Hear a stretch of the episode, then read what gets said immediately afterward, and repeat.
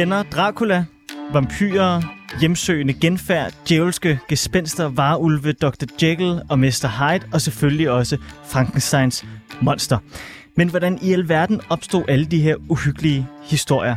Hvordan er de blevet genstand for den genre, som vi i dag kender som gotisk uhygge? Hvor stammer de store, onde slotte med deres mørke tårne, gravsten og bankelyde om natten fra? I anledning af, at øh, Gyldendal har genudgivet Mary Shelleys mesterværk Frankenstein, så tænkte jeg, at det var en oplagt mulighed at dedikere et helt program til bogen, men også hele den litteraturgenre, der hedder gotisk uhygge, eller bare gotisk litteratur. Vi skal se på, hvordan genren opstod, hvilken betydning den har haft for Storbritannien og dets nationale selvforståelse, og hvad alle de her uhyggelige monstre rent faktisk symboliserer. Og hvis du bliver hængende helt til slut, så lover jeg dig for, at du kommer til at eje det næste middagsselskab, du skal til med fantastiske fun facts og kloge ord. Det bliver uhyggeligt, og jeg glæder mig. Du lytter til Frederiks, Frederiks Værk her på 24 Mit navn det er Frederik Vestergaard. Rigtig hjertelig velkommen til.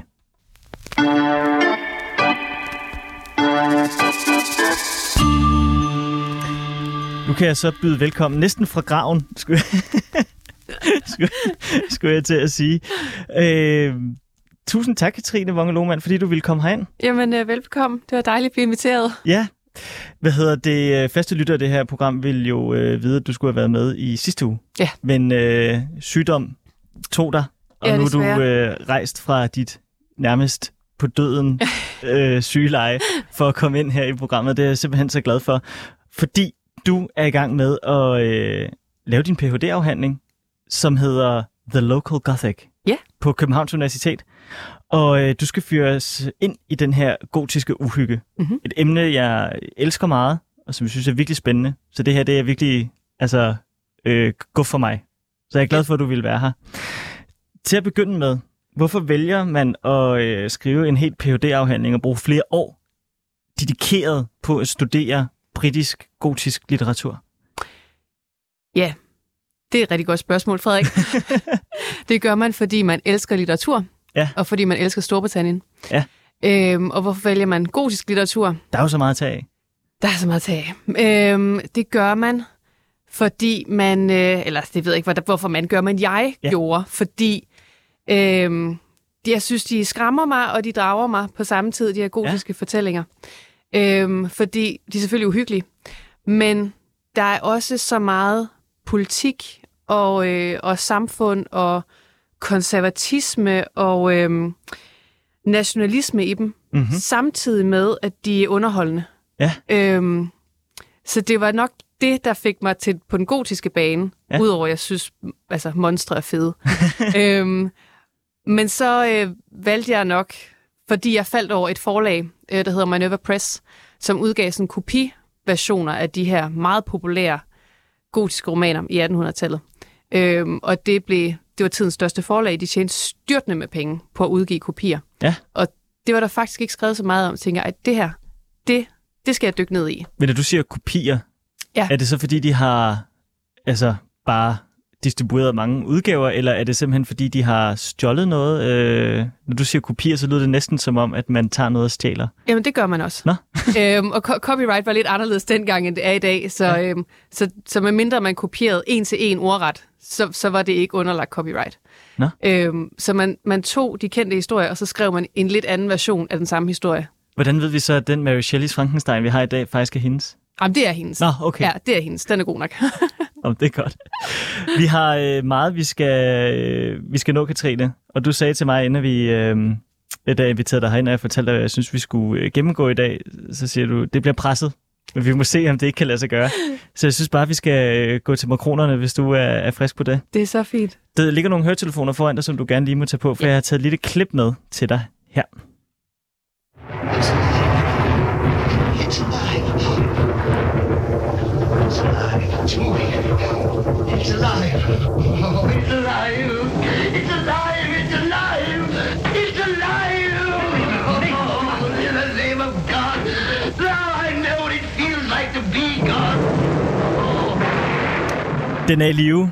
Nu ved jeg, hvad det vil sige at føle sig som Gud, siger øh, Dr. Frankenstein i øh, filmatiseringen over Mary Shelleys bog Frankenstein. Ja i, og den er fra 1931, Mhm. mm-hmm. hvilket man også kunne høre på tordenlydene i, øh, i baggrunden her. Siger Dr. Frankenstein det i bogen også? Nej. Nej. Det gør det ikke. Øv. ja, det vil være rigtig fedt. Øhm, I bogen, der har Victor Frankenstein, øh, han elsker videnskab, og han har en øh, ambition egentlig om at skabe en hel race. Det lykkes ham kun at skabe det her ene. Han kalder det selv for en dæmon. Øh, vi kalder det så et monster nu.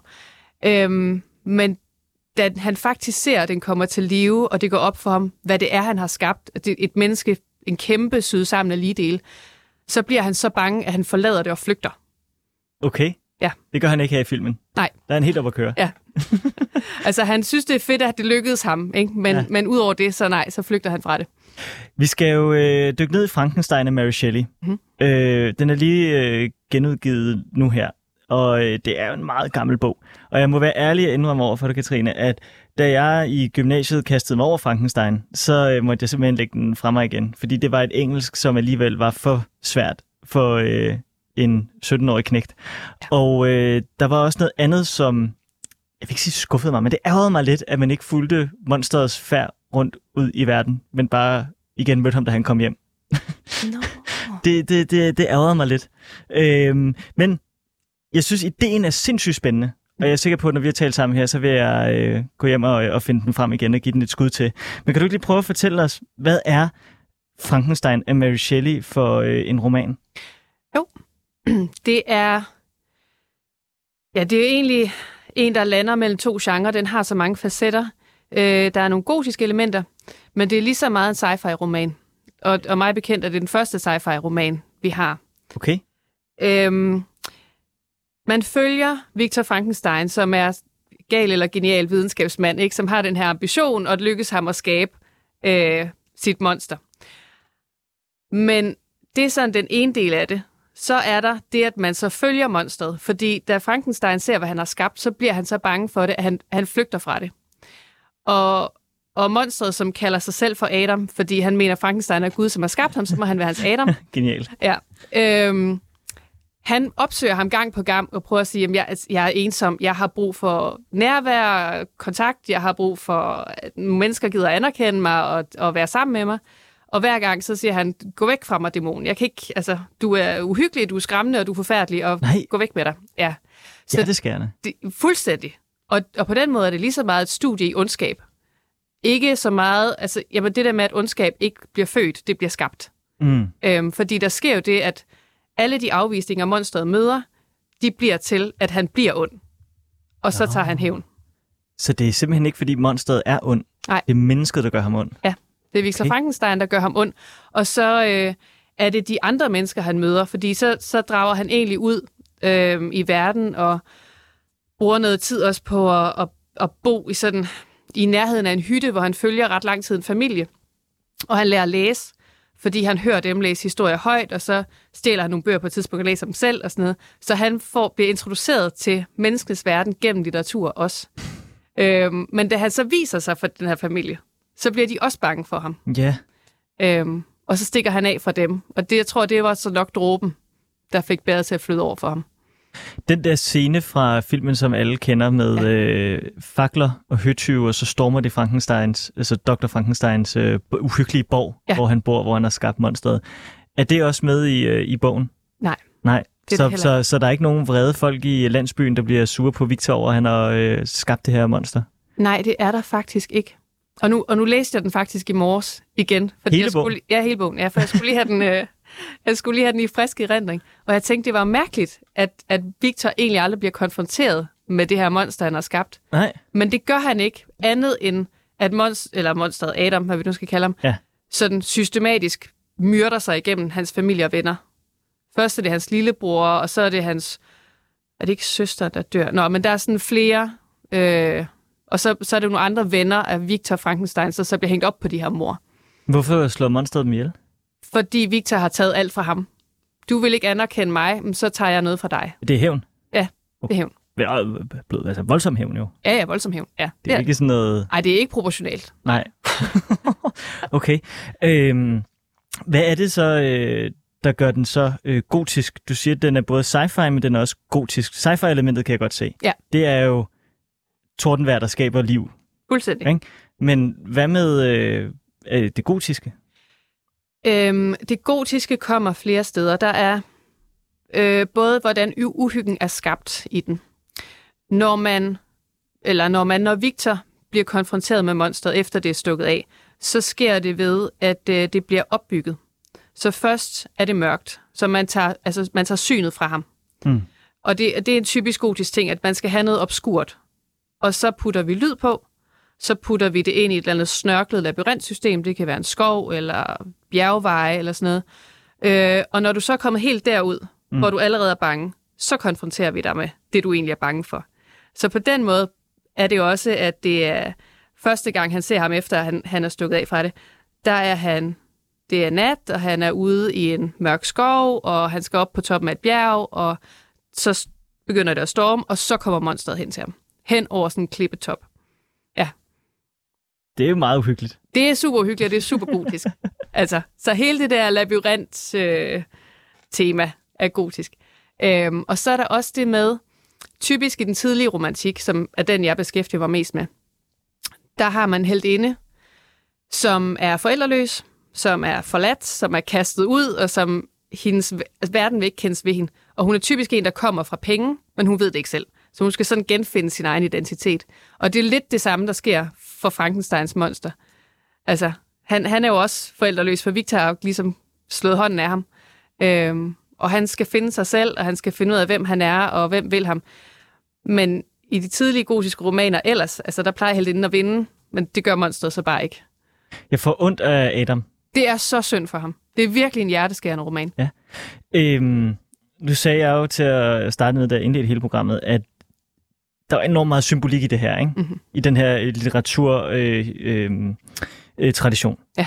Så når du siger det her med, sådan, at man får, fjernet, ligesom, man får fjernet synet, og så bliver du øh, slæbt igennem alle mulige øh, uhyggelige kroge, og så til sidst bliver du konfronteret med det, du egentlig er bange for. I det her tilfælde, så er det så Adam. Men hvad er det, Adam symboliserer i, i forhold til, hvad er det, Mary Shelley vil have, vi skal være bange for i monsteret? Der var mange på altså i samtiden, der opfattede den som sådan anti-autoritær.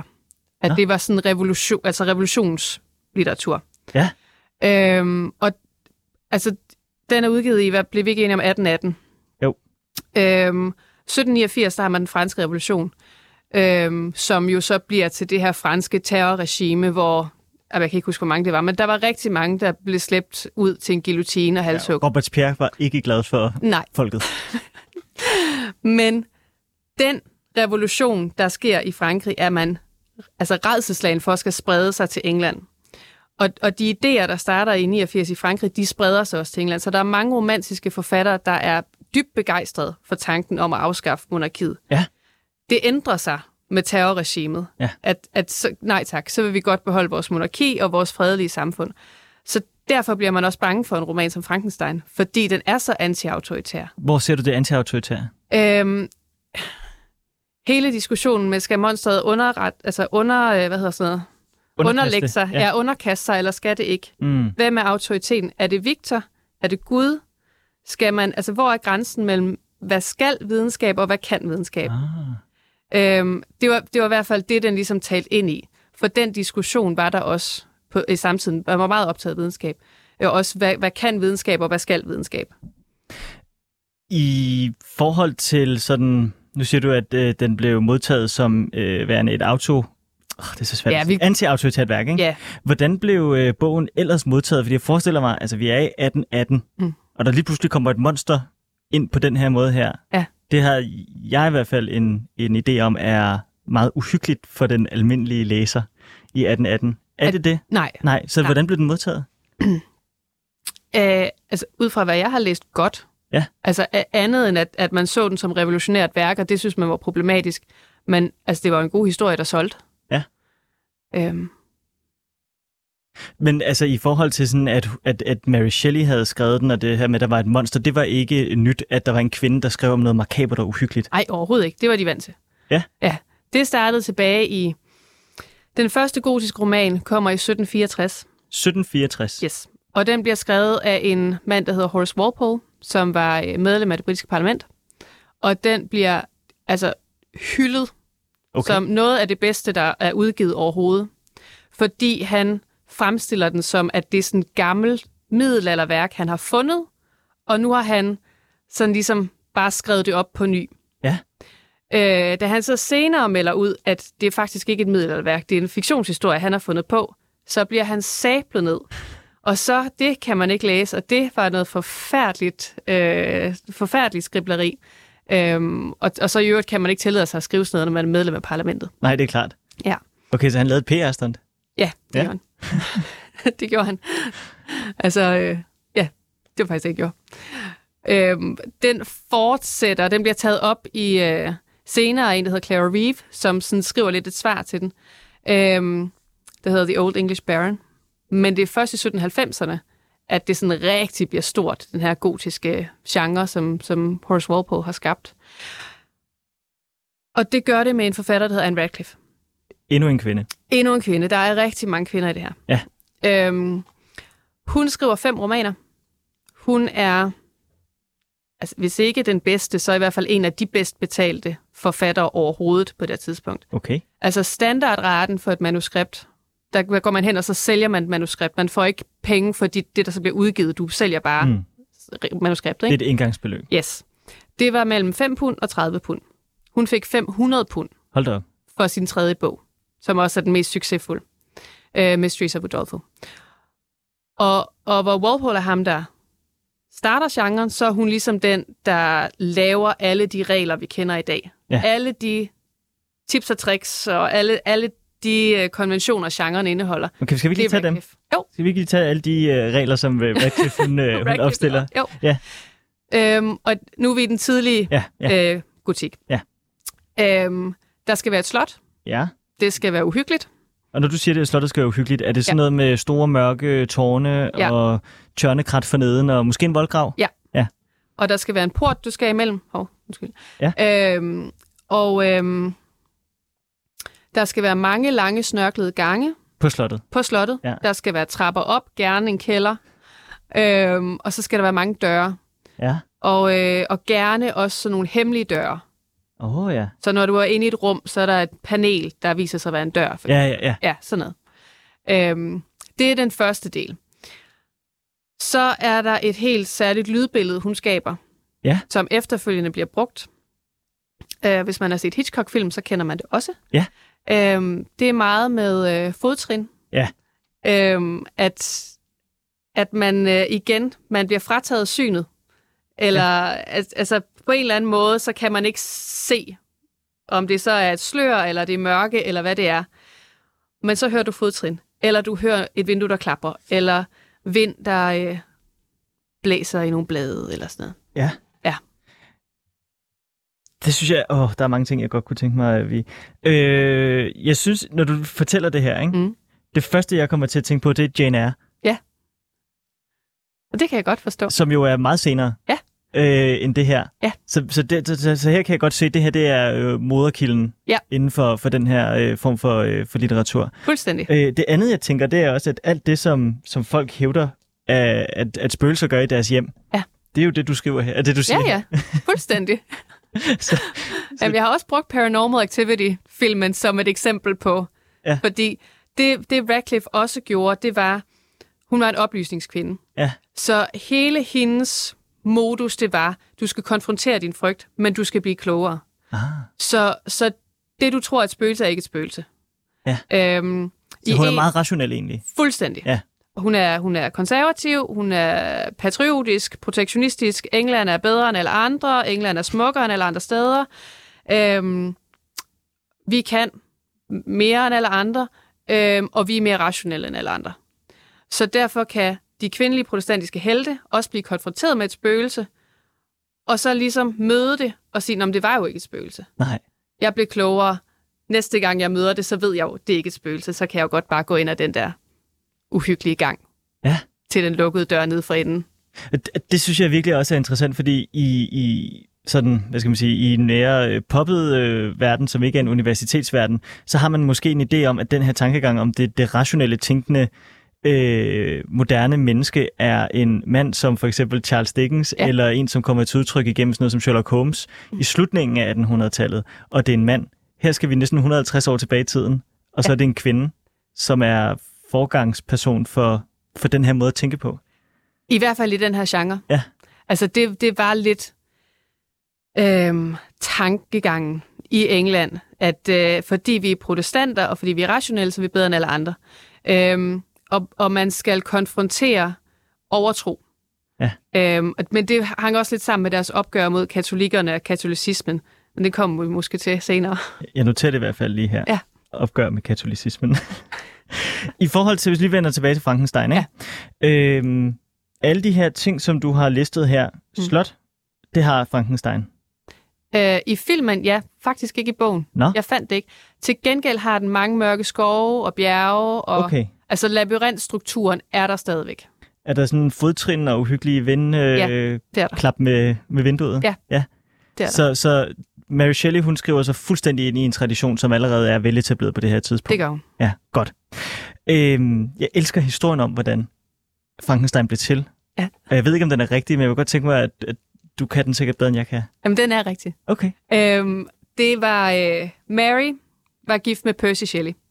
Øhm, og hun blev gift med ham. Ej, hun stak af hjemmefra, da hun var 16. Fedt. Sammen, for så at være sammen med Percy, ja. Øhm, men de var på ferie sammen med Lord Byron og John Polidori. Øh, også kendte forfattere i tiden. John Polidori skrev også en ret kendt øh, øh, uhyggelig roman, tror jeg, den hedder Vampire. Mm. Øhm, men de var på ferie i Schweiz, og de havde regnet med, at de skulle ned og se alber og hygge sig i solen, og så øs regnede det stort set hele den tid, de var der. Og så sagde Byron, okay, nu kan vi ikke det, vi troede, vi skulle, vi gør noget andet. Jeg laver en konkurrence. Hvem kan skrive den bedste spøgelseshistorie? Sæt i gang. Og det var så der, hun skrev Frankenstein.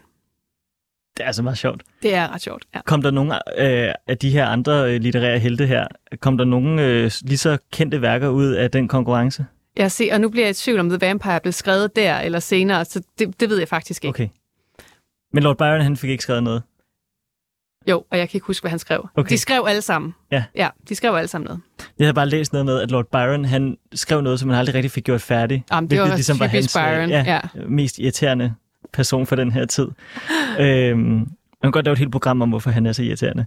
øhm, nå, men i forhold til, at, at Mary Shelley har skrevet sig ind i en allerede eksisterende øh, litterær tradition, er, er, er Frankenstein så øh, banebrydende for Nej. sin tid, eller er det bare et produkt af sin tid?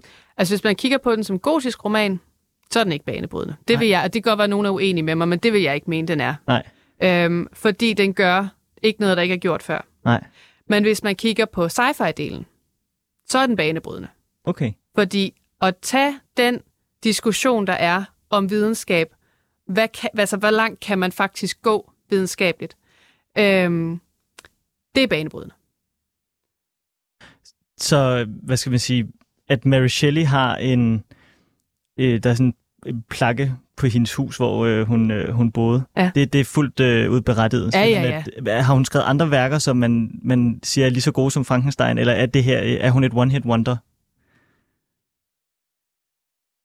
Det ved jeg faktisk ikke. Jeg kan kun komme på Frankenstein. Det er også godt nok. De, der er Ja. jo, de fleste af os har jo ikke en roman i, i maven alligevel. Jeg har taget et billede med til dig her af Frankenstein fra filmen fra 1931. Øh, prøv lige at beskrive, hvordan han ser ud for lytteren. Jamen, er det Boris Karloff? Ja. ja. Han øh, er rigtig stor. Og hans hoved er... Øh, sådan, det ligner mere en voksmaske, end, et, end egentlig et ansigt. Øh, alle hans øh, træk er ligesom sådan næsten karikeret overgjorte. Stor næse, med en mund næsten uden læber, og sådan nogle rigtig tunge øjenlåg. Og så har han på halsen sådan to bolde, der ligesom holder hovedet på plads. Og så er han, han er næsten helt hvid i hovedet. og så ser ud som, han har ikke noget hår, faktisk. Mm. Ja. Det her, det er jo nok billedet Ja. på Frankensteins monster. Og, øhm, og der er nok mange, der, der, der tænker Frankenstein, når de, og så ser de det der for sig, ikke? Ja. Og så tror de, at monsteret hedder Frankenstein. Ja. Øhm, er, han- er det også sådan, du forestiller dig, at Adam ser ud i Mary Shelleys Frankenstein? Sådan som øh, det er afbildet her i filmen? Tæt på. Ja. Har han også bolde i nakken? Nej. Eller i halsen? Det har han ikke. Nej. Og han, har, han bliver beskrevet som, at han har sådan en helt gul hud. Ja. Og sådan helt øh, hvide, sådan mel- me- melerede øjne, hvad hedder den? Ja, sådan døde, hvide Ja, ja, ja. øjne. Øhm, men ellers så passer det meget godt, for han bliver beskrevet som kæmpe, altså som, som ligner noget, der ikke er fra vores verden. Så det her billede, som Frankensteins monster er blevet til her, som Mary Shelley har skabt, det er jo ligesom det, der har levet i indtil i dag. Det synes jeg også er altså 200 år øh, med det her øh, billede. Ja. Takket være den her øh, roman. Øhm, hvis vi lige hopper øh, tilbage til øh, den gotiske litteraturhistorie og øh, Anne Radcliffe. Øhm, jeg har også læst mig til, at det er Matthew Lewis, Ja. som er en af de helt store inden for, øh, for den gotiske litteratur. Hvad tilføjer han til, øh, til genren? Jamen, når man taler gotisk litteratur, så taler man sådan overordnet om to perioder. Der er den romantiske, det er den tidlige, min del, og så er der den viktorianske. Men så taler man også om to skoler, og det var faktisk Anne Radcliffe, der selv har defineret de her to, øh, efter Matthew Lewis udgav sin roman. Man taler om terror, som vi måske kan kalde skræk på dansk, og horror, som jeg nok vil kalde redsel. Og skrækken, det er den, hvor man bliver øhm, oplyst, hvor man konfronterer sin frygt, og det uhyggelige ikke er virkeligt. Så er der redselsdelen. Det uhyggelige er ægte. Ja. Der er intet oplysende ved den. Det er ikke sådan, du skal konfrontere din frygt, du skal bare blive altså, fuldstændig lammet af skræk. Det er det, horror kan, og det var det, Matthew Lewis gjorde. Han skrev, øh, han var ikke ret gammel, han var været i starten af 20'erne eller sådan noget, da han skrev The Monk. Ja. Øhm, han var også medlem af parlamentet, og han fik så mange høvl for den bog. Var han også konservativ? Øh, ej, nu bliver helt tvivl, for jeg kan ikke engang huske, hvad han var. Øhm, nå, men øhm, The Monk handler om den her katolske præst, Ambrosio, Ja.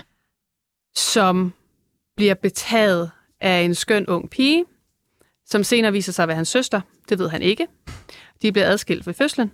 Øh, men han øh, pådrager sig djævelens hjælp til at kidnappe hende og øh, fange hende i en kælder og øh, voldtage hende. Nej. Jo, og så ender han med at slå hende ihjel, og han ender faktisk også med at slå sin mor ihjel. Så, så, så hvor vi har skrækken, der har vi altså en voksfigur gemt bag et gardin, som man tror er et spøgelse, så har man i, i redselen, der har man altså incest og mor og alt, hvad du kommer på er uhyggeligt. Det hører til i redselsdelen. Har det været lovligt at udgive sådan noget? Jamen, det var det jo. Okay. Det måtte han gerne. Han skulle bare tage skraldet bagefter. Ja, okay. Det gjorde han så også. Han har skrevet den om af flere gange. Har han så tonet den ned i sine omskrivelser? Eller? Øh, altså, jeg mener, at anden version var tonet ned. Men altså, når vi underviser i den på, på universitetet, så underviser vi selvfølgelig i den originale ja, ja, version. den ikke? rigtig ulækre version. Ja. Så, så, så han vil ikke andet end at bare, hvor at, at Anne Radcliffe, hun vil gerne oplyse, Ja. og vil gerne sige noget om Storbritannien og Ja. rationalismen, Ja. så vil han bare gerne få dig til at tisse i bukserne af skræk. Ja. Okay. Altså, og, og hans var egentlig lidt et modsvar til Anne Radcliffe's, fordi jeg tror, han tænkte, at det kan jeg godt gøre mere uhyggeligt. Og det kunne han også. Mm. Og så skrev hun senere hen et modsvar til hans, hvor hun ligesom tog hans roman og raffinerede den. Okay. øhm, med i en, en, der hedder The Italian, som er, er en, øh, en pænere version af The Monk. Katrine, du sagde, at øh, den første sådan, gotiske bog, der udkom, Ja. det var baseret på, eller han sagde, det var baseret på et, øh, et, øh, et, en middelalderfortælling. Ja.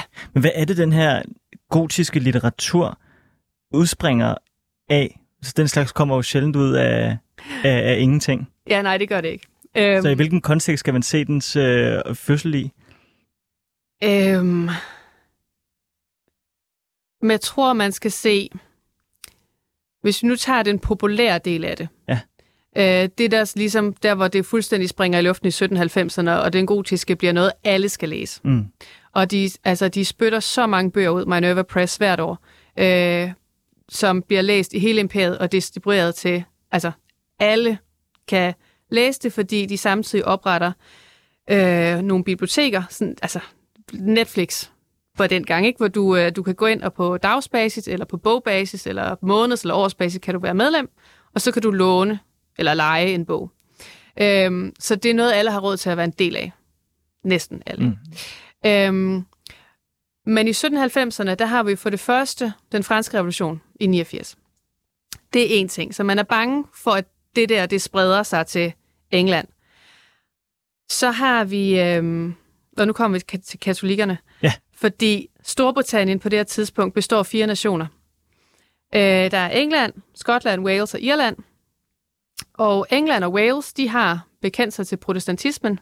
Det har hele Storbritannien officielt. Men irerne har aldrig rigtig taget det til sig. Og skotterne, altså der er store øh, katolske kræfter i Skotland også. Øhm, og Skotland og England indgik en, en union i 1707. Øhm,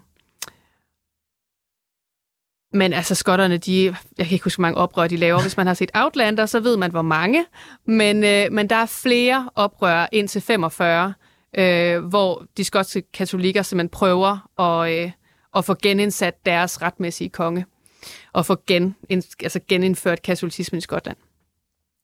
Så det er sådan den ene del. Så har vi øh, Spanien. De er bange for en spansk invasion, Oh, ja. øhm, som også er katolikker. Så har vi hele krigen med Napoleon, der kommer senere. Mm. Øhm, igen, krig med katolikkerne. Og så er det også det, at efter den franske revolution i 89, altså en ting er, at det er et opgør med monarkiet, men det er også et opgør med kirken. Så der er mange af de katolske præster øh, og munke, og, altså, som flygter over kanalen til England. Og det vil være fint, hvis ikke England har, ligesom har et historisk opgør med katolicismen. Fordi øh, i 1500-tallet, der øh, gør Henrik den 8. op med paven, fordi han kan ikke blive få lov til at blive skilt fra mm. Katrine af Aragonien. Aragonien. Øhm, og det bliver noget værd råd. Altså, det, det fungerer fint, så længe han lever, men, men så tager hans døtre over på et tidspunkt, og den ene, Elisabeth, hun er protestant, og Mary, hun er øh, katolik, Er det hende, der hedder Mary Queen of Scots? øh, og Bloody Mary. Nå oh, ja. Og øh, de er... Øh, altså, der er sådan ret øh, hårde straffe for at være på den forkerte side. Altså, det er mor og tortur og indespærringer fra begge to, hvis man er på den forkerte side i de år. Så det er sådan en ret grim historie, englænderne skal til at forholde sig til igen. Fordi i forbindelse med, at, at Henrik gjorde op med, øh, med paven, altså så lukkede de også klostrene, og de mm. lukkede de katolske institutioner, og de sendte alle de her præster ud af landet. Og nu får de dem tilbage igen. Så der er utrolig mange ting, de lige pludselig altså, har at frygte. Og så er det jo fantastisk, at man har noget litteratur, som gør op med lige præcis det.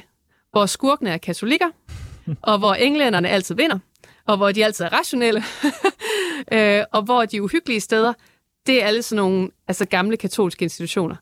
Klostre, øh, kapeller, øh, gamle slotte, som hører fortiden til. Okay, så det er simpelthen en, en, øh, et, ja, et opgør med, øh, med fortiden.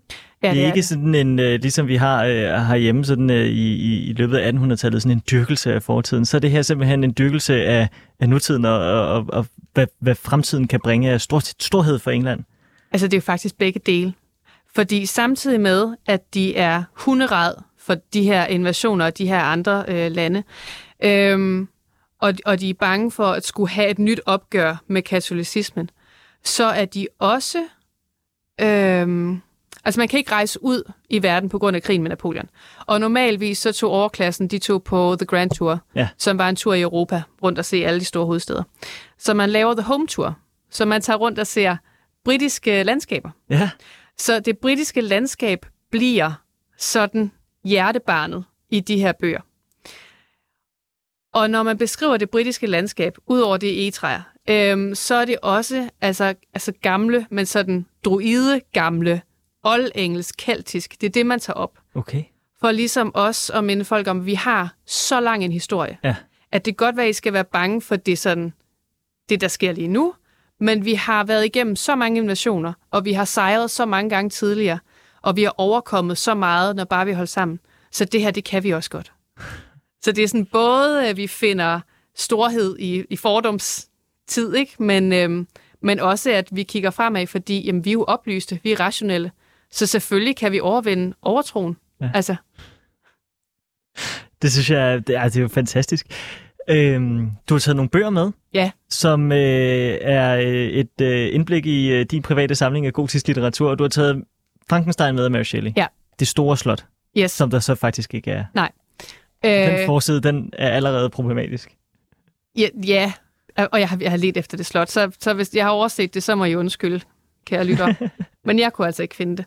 Øh, men det passer meget godt ind i fortællingen om Lige det præcis. gotiske. Det er det, når jeg forestiller mig, når jeg hører ordet gotisk uhygge, så er det ja. Ja. det, jeg ser foran mig. Den her forside, du har på, øh, på, på øh, Shelleys Frankenstein. Ja. Kæmpe slot. Det er meget uhyggeligt og ondt, meget middelalderagtigt, og der er spidse tårne. Ja. Det er også det, du skal. Og det her, det er jo præcis det, Anne Radcliffe, hun skabte. Fantastisk. Og så er der det uhyggelige vejr også. Nemlig, Ja, vejret er meget skræmmende. Det er mørke skyer, og som det, vælter ind over øh, øh, det, hvad hedder det, de hvide skyer. Ja, det er rigtigt. Og det, det gjorde Anne Radcliffe faktisk også, at hun brugte uværet til ligesom at reflektere øh, hovedpersonernes følelser. Så hvis de var kede af det eller oprørte, så stormede det, og hvis de var glade, så skinnede solen. Øhm, altså lav praktisk symbolik, ikke? men øhm, Det er det samme Goethe også gør, ikke? fuldstændig. Ja. Og det er det meget romantisk ting at gøre egentlig. Ja. Nå, hvad har du med med? Jamen, så har jeg taget nogle eksempler fra de her kopibøger, har jeg kaldt det. Ja. Der er, øhm, Jane Austen skriver en bog, der hedder Northanger Abbey. Ja. Og i den bliver det beskrevet syv forfærdelige romaner. Som hovedpersonen, dem skal du, altså hvis du skal læse noget, der er rigtig godt og rigtig frygteligt, så er det de her syv, du skal læse. Og en af dem, det er den her. Ja, hvad hedder øh, Øhm, ja, hvad hedder Necromancer på dansk? det? Øhm, Necromancer. ja, Jeg det- tror faktisk bare, det hedder det samme, gør det ikke det? hedder det det? Ja, det tror jeg. så kalder vi det det. Det er en, altså nu kalder jeg det en oversættelse. Ja. Det er en oversættelse af en tysk bog. Øhm, og fra Tyskland på det her tidspunkt kom der meget af det her redselslitteratur. Øhm, men britterne skrev det om. Så en oversættelse betød, at man for eksempel skrev et bind mere på den. Okay. Så en bog, der egentlig kom i to bind, den fik så tre. Ja. Øh, fordi i den engelske version, der synes man lige, man skulle have en retssag med ind. For lige at portrættere, at igen, vi er rationelle. Vi har et fornuftigt øh, retssystem, hvor du bliver beskyttet som anklaget, og hvor du modsat i katolicismen, der, hvor de altså tidligere, ikke også, ikke, men de havde inkvisitionen på et tidspunkt, hvor ja. du ikke havde ret til at møde din anklager, og du fik ikke længere at vide, hvad du er anklaget for, og du skulle bare forsvare dig. Men det gør britterne jo ikke på den måde. Så det har de taget med i den her. Ja. Øhm, så har jeg taget en af mine Minerva-romaner med, Selvfølgelig. som også er en øh, redselshistorie. Catherine Smith. Ja. Og den hedder Barussi. Ja, eller den venetianske ja, heks. Der står også en øh, klassisk øh, senrenaissance mid, øh, middelalderagtigt øh, billede af en heks på, øh, på forsiden, som står med øh, en kedel, der koger ondt over et bål. Og den, den er rigtig fed, fordi hele vejen igennem, man følger hende her heksen, Mm. som man tror er altså djævlen selv. Hun kan trylle, og hun kan dukke op ud af ingenting, og hun er sådan ægte ond. Øhm, det viser sig så til sidst, at hun bare er et almindeligt menneske, som egentlig bare forstår illusioner. Øhm, og hun er en, der er blevet snydt af den mandlige hovedperson og sådan noget. Øh, så hun skulle bare have hævn. Men, men en rigtig fed historie. Igen også det rationelle. Det er det det rationelle. er ikke, hvad du tror, det er. Nej, Hvad er den sidste bog? jamen det var fordi, Stephen Meyer. jeg tænkte, Nej, vi skal have noget nyt gotisk med os. du har simpelthen taget Twilight med. Ja, det har jeg. Der skulle simpelthen være et eksempel på moderne gotik, at det findes stadigvæk. Ja, okay. Er det, fordi det er vampyrer, der er med? Ja. Er der også, øh, hvad hedder det, øhm, øh, åh, labyrinter og slotte? Øh, der er ikke noget slot, Nej. men der er deres hus. Øh, og man kan sige, at Twilight er det, altså vi, man vil snakke om den som gotisk roman. Det er jo lidt en parodi på det gotiske, for de tager alle de konventioner op, vi har, og, og, og lige twister dem lidt, ikke? Jo. Altså så øh, The Collins, som er den her vampyrfamilie, man følger, de kan for eksempel godt stå og lave mad med hvidløg. Det står de og snitter. Hmm. Øhm, de kan også godt lade være med at bide deres ofre, og de har kors i deres hjem, og de, altså, de brænder Okay. ikke op, når de går i sollys. Og, Nej. ja, så, men konventionerne er der. Okay, det havde jeg slet ikke tænkt over. Ej, men den er lidt sjov på den måde. Det synes jeg måske er en meget god anledning til at hoppe over i den anden del af, af den gotiske litteraturhistorie, Ja. som jeg godt ved ikke er din spidskompetence, men nu øh, må, jeg, må, jeg, må vi prøve alligevel. Ja. Øh, fordi det, som Twilight så øh, bygger på, forestiller jeg mig, Mm. er elementer fra den anden gotiske periode. Altså øh, det her, vi møder vampyrer, ikke? Mm-hmm. Ja. Bram Stokers øh, Dracula. Ja. Der kommer vareulve med. Ja. Der kommer, øh, hvad hedder det, øhm, Djævle med. djævle med. Ja, det er præcis. Ja. Ja. Så hvad, hvad sker der i den viktorianske gotik, som der ikke skete i den tidlige? Øhm, altså, der sker det, at hvor vi har ret meget ydre kræfter mm-hmm. i Mhm. den tidlige, at det er, det, er, altså, det er mennesker, der er onde. Det er mennesker, der udgiver sig for at være noget andet, de ikke er. Øhm, der har vi i den sene gotik, at det bliver mere det indre, Mm. man skal forholde sig til. Øhm, vi har i sådan noget som øh, Dr. Jekyll og Mr. Hyde, for eksempel. Robert Louis Stevensons øh, bog om dobbeltgængeren. Der har man jo, det, det, hvis, hvis folk kender den, men man har øh, Dr. Jekyll, som øh, er læge, Ja. ja øh, som skaber et eller andet kemisk formel og ud af det får skabt Mr. Hyde. Og Mr. Hyde, gennem ham, der kan han udleve alle sine inderste undertrykte fantasier. Perversiteter. Ja, Ja. ja. nemlig. For Mr. Hyde, han slår ihjel, og han, øh, jamen, han, han, han tager sig alle de friheder, som Dr. Jekyll aldrig... Han ejer ikke skyld og skam. Nej, det gør han simpelthen ikke. Nej. Øh, så om dagen er han Dr. Jekyll, og om natten er han Mr. Hyde. Ja. Men den... Altså, det er jo et opgør med nogle indre dæmoner, ikke mm. nogle ydre dæmoner. Øh, så det er jo nok det, der lidt sker. I... Men der har du videnskaben igen. Ja. Sci-fi-elementet. Ja, ja. Hvor Mary Shelley bruger øh, lyn og torden til at skabe liv, så sidder Dr. Jekyll og øh, laver mixturer. Det gør han. Det er kemi. Jamen ja, Ja. ja, det er det. Og så kan man så diskutere, hvad, den der, hvad det er for nogle øh, instinkter, han undertrykker, ikke? Men altså... Og så har vi Jane Eyre, som du selv nævnte. Men der er det jo faktisk lidt det der med, øh, med den tidlige gotik. Mm. Fordi der tror øh, Jane er jo, at fordi hun kommer ind på det her slot hos det, sin nye mand, Ja. som så meget hurtigt mister interessen for hende. Ja. Og så tror hun jo, at det er spøgelser, der er i huset. Ja. Men så er det hans øh, ekskone. Ja. eller Så- hans nuværende, eller hvad man Ja, ja, som ja. er spærret inde på loftet, ikke? Ja. Ja. Jamen, altså, og det, det er jo ikke sådan, at fordi at vi så skifter fra en periode til en anden, så stopper alle elementer, Nej. og så finder vi på noget nyt. Altså, mange af tingene fortsætter. Så altså, Radcliffes konventioner fortsætter også. Øhm, og det er ikke fordi, der ikke i begge scenarier er både skræk og redsel. Det er der, eller i begge perioder. Men altså, der er mindre skræk i den viktorianske, og mere redsel. Og der er nok mere skræk og mindre redsel i den tidlige, hvis man sådan skal gøre det lidt ja, nemt. Men hvorfor tror du, at der i den viktorianske gotik dukker så mange, øh, hvad skal man sige, monstre op, som der ikke øh, måske har været tidligere? Altså med varulve og vampyrer og så videre. Ja, det er faktisk et rigtig godt spørgsmål.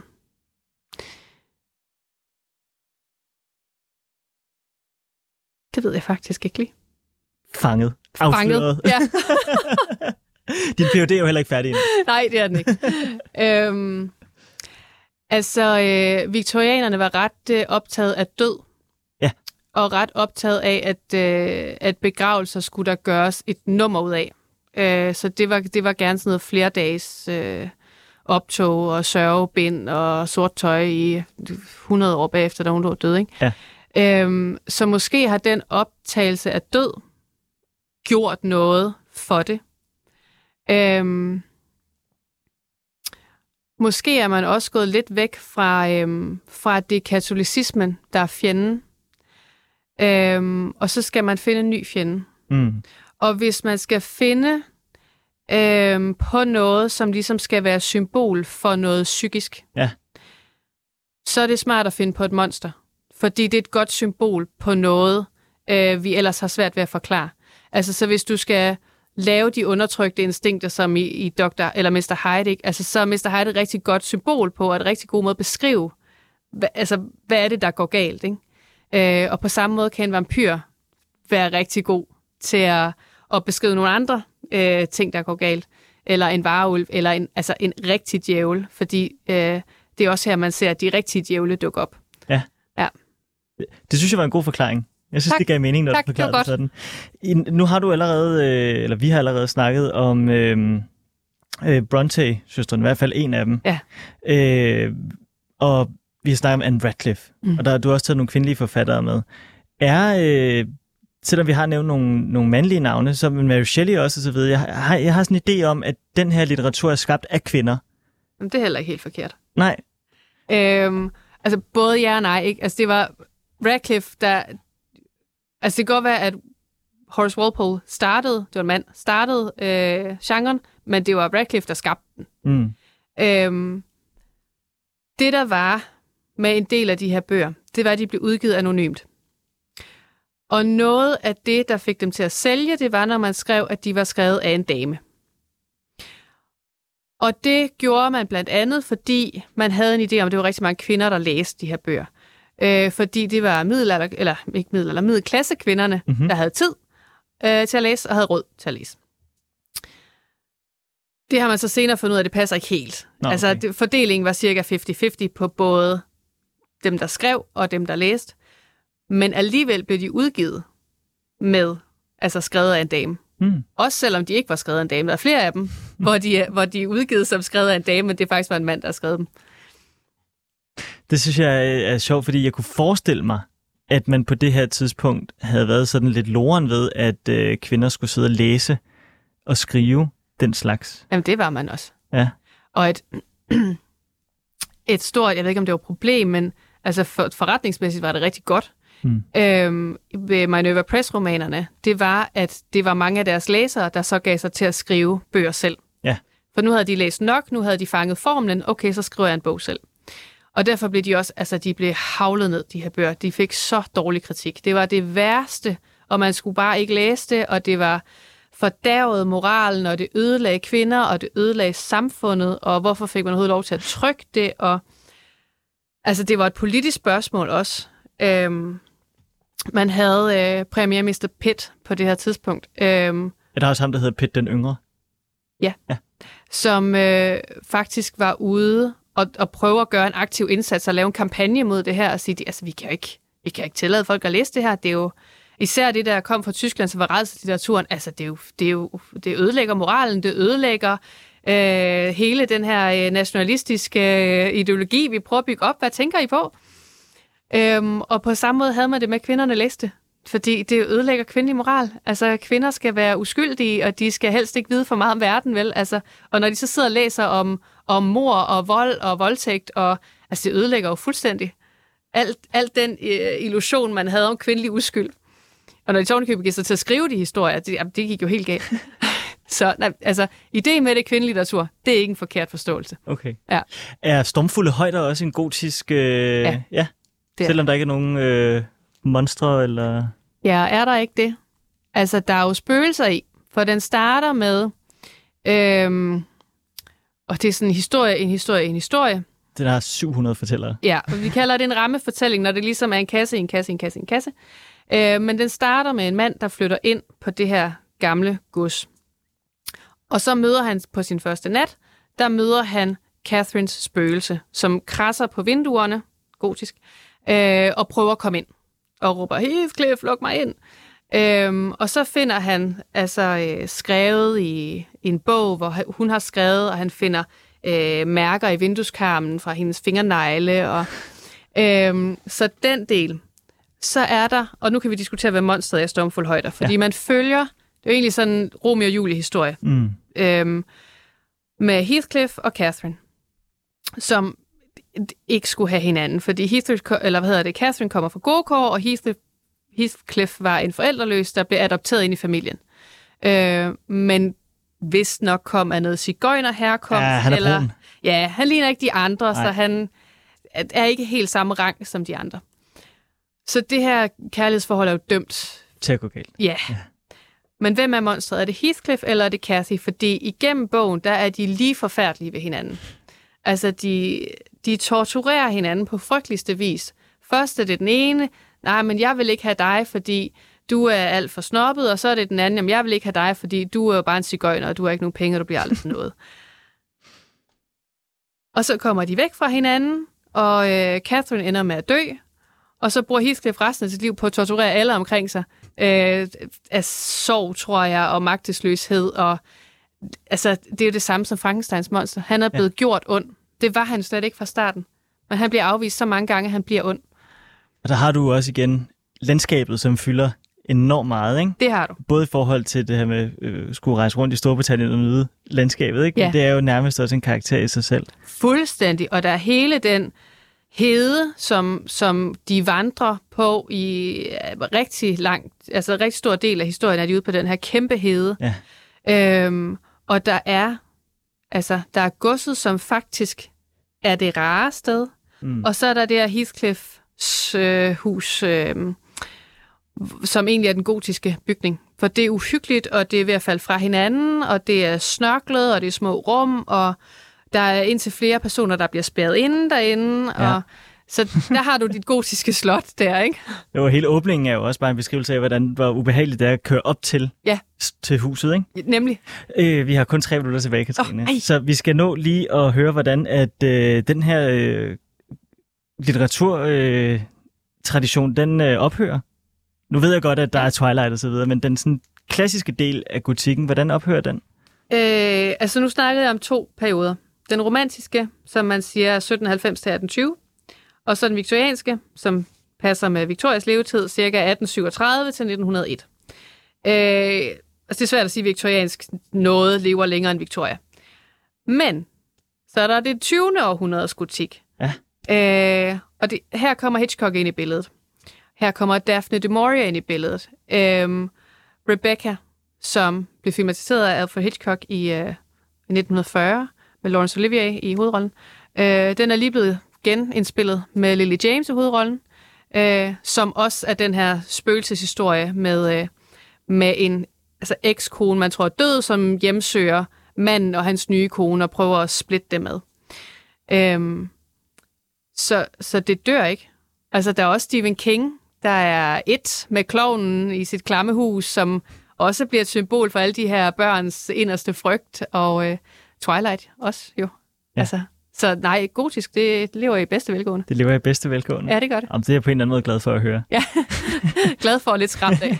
Nå jo, men altså, det skal jo også, øh, hvad hedder det, øh, hvad hedder det, øh, ja, det skal jo leve videre på en eller anden måde, fordi den slags, det dør jo sjældent ved bare sådan en dag, sådan, så nu udgiver vi ikke det længere. Nej. Det udvikler sig jo ligesom de her to perioder også er et bevis på. Ja, det gør det. Så, men øh, hvad hedder det, for lige øh, hurtigt at observere, gotisk uhygge, kendetegn er slot, der skal være sådan en uhyggelig, creepy stemning, der skal være en port lang gange, der skal gerne være en øh, kælder, Ja. og så skal der være fodtrin og øh, vinduer, der klapper og, øh, og så videre. Og så har skal der være konfrontationer med døden. konfrontationer med døden. Ja. Og i den senere del så også konfrontationer med sig selv. Ja. Ja. Perfekt. Så er hele livet jo en stor gotisk uhyggeroman. Ja, det vil jeg da næsten ikke håbe, men altså ja. Katrine Vonge Lohmann, det har været en kæmpe fornøjelse at have dig med i Frederiks værk. Tusind tak. Jamen tak, fordi jeg måtte komme, Frederik.